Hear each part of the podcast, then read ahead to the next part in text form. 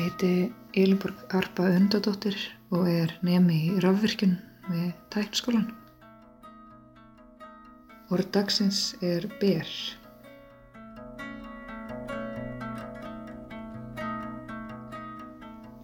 Örðun snjóslega þegur esuna þar sem hún blasir við mér út um eldursklukan. Fyrir framann með á borðinu er munstruð skál full af bláberjum sem ég týndi í fallum dal ekki langt frá Reykjavík. Ég poti upp mig einu beri einu, být í þau þannig þau springa á milli tannana. Með hverju berinu verður tunga mín og varir fjólublári og fjólublári. Ég týndi allt og mikið af berjum og þar sem ég reyna að brjóta heilanum hvað ég gera við öll þessi ber, leiðir hugurinn mig annað. Hann leiðir mig átt að líkama mínum, sem síðan leiðir mig átt til annar líkama og hinnar líkamlegu íhims veru, ef svo má orðið komast. Að vera líkam í þessum heimi. Það er svo þrungi merkingu. Get ég stjórnað þessari merkingu einhver leiti? Og er líkam mínum óvægt hér, ber kakvart heiminum? Við búum ekki öll við sömu skilirði og frelsi þegar kemur að líkamum. Mannlegt vald, hvort sem það er kerfisbundið eða einstaklingsbundið, vefst um og inn í líkama alls í heiminum á margslungin og læfisinhátt. Við höfum fyrirframkemnar hugmyndir um hvernig mannslíkamar eru fallegir og hvernig mannslíkamar eru ekki fallegir. Þar sem einn típiski fallegi mannslíkami er grannur, ungur, kvítur, ófallagur og fellur vel að tvíhjöki kynjana.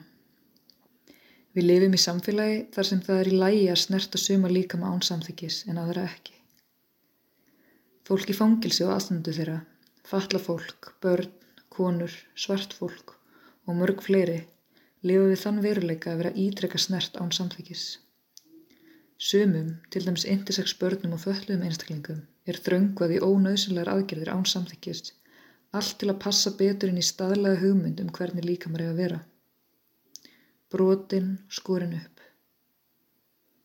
Á sama tíma og það er ekki rast, fær transfólk ekki að ákveða sjálft, hvort, hvernig og hvenar þau breyta líkamar sínum.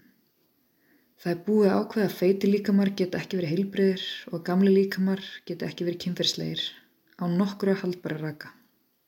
Það er sumulegis búið að ákveða að svartir og brúni líkamar séu minna verið en hvíti líkamar Það má skada þá, setja þau í aukna áhætt og skada og ég vil enda tilvistar í heiminum án alvarlegra aflegginga fyrir gerenduna.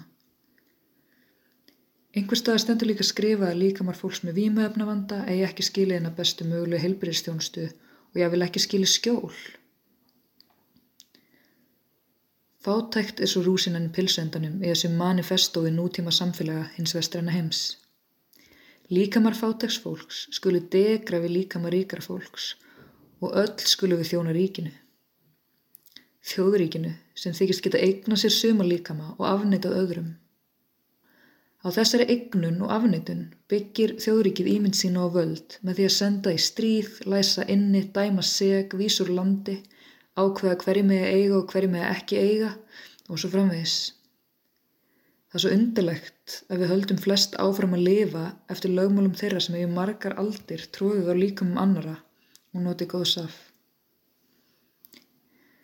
Hugurinn reyka tilbaka til þeirra stundar þar sem ég satt við árbakka í berjamó og týndi ber. Það var þá sem ég fann djúft í yðrum mínum að stæsta gjöfin sem ég get yfir sjálfu mér er að endurheimta minn eigin líkama og stjórn mína yfir honum. Að vera óhrætt að standa með mínum eigin líkama. Það er þrennt sem ég ber að gera. Vera óstýrilát berja frá mér, reyna einhver að taka líkam minn af mér og ekki skipta mér að því hvað aðrir gera við sína eigin líkama. Tilrunir fólks og kerfa til að stjórna og stýra líkam minnum hafa gert mig kleift að uppgöta órjúvanlega tengsl á milli mín og fjölda annara sem heia svipaða baróttu. Baróttuna fyrir sjálfræði. Ég sprengi eitt en ber á milli tannana og ákveð að búa til bláberja vín og skála fyrir öllum sem berjast til að endurheimta eigin líkama.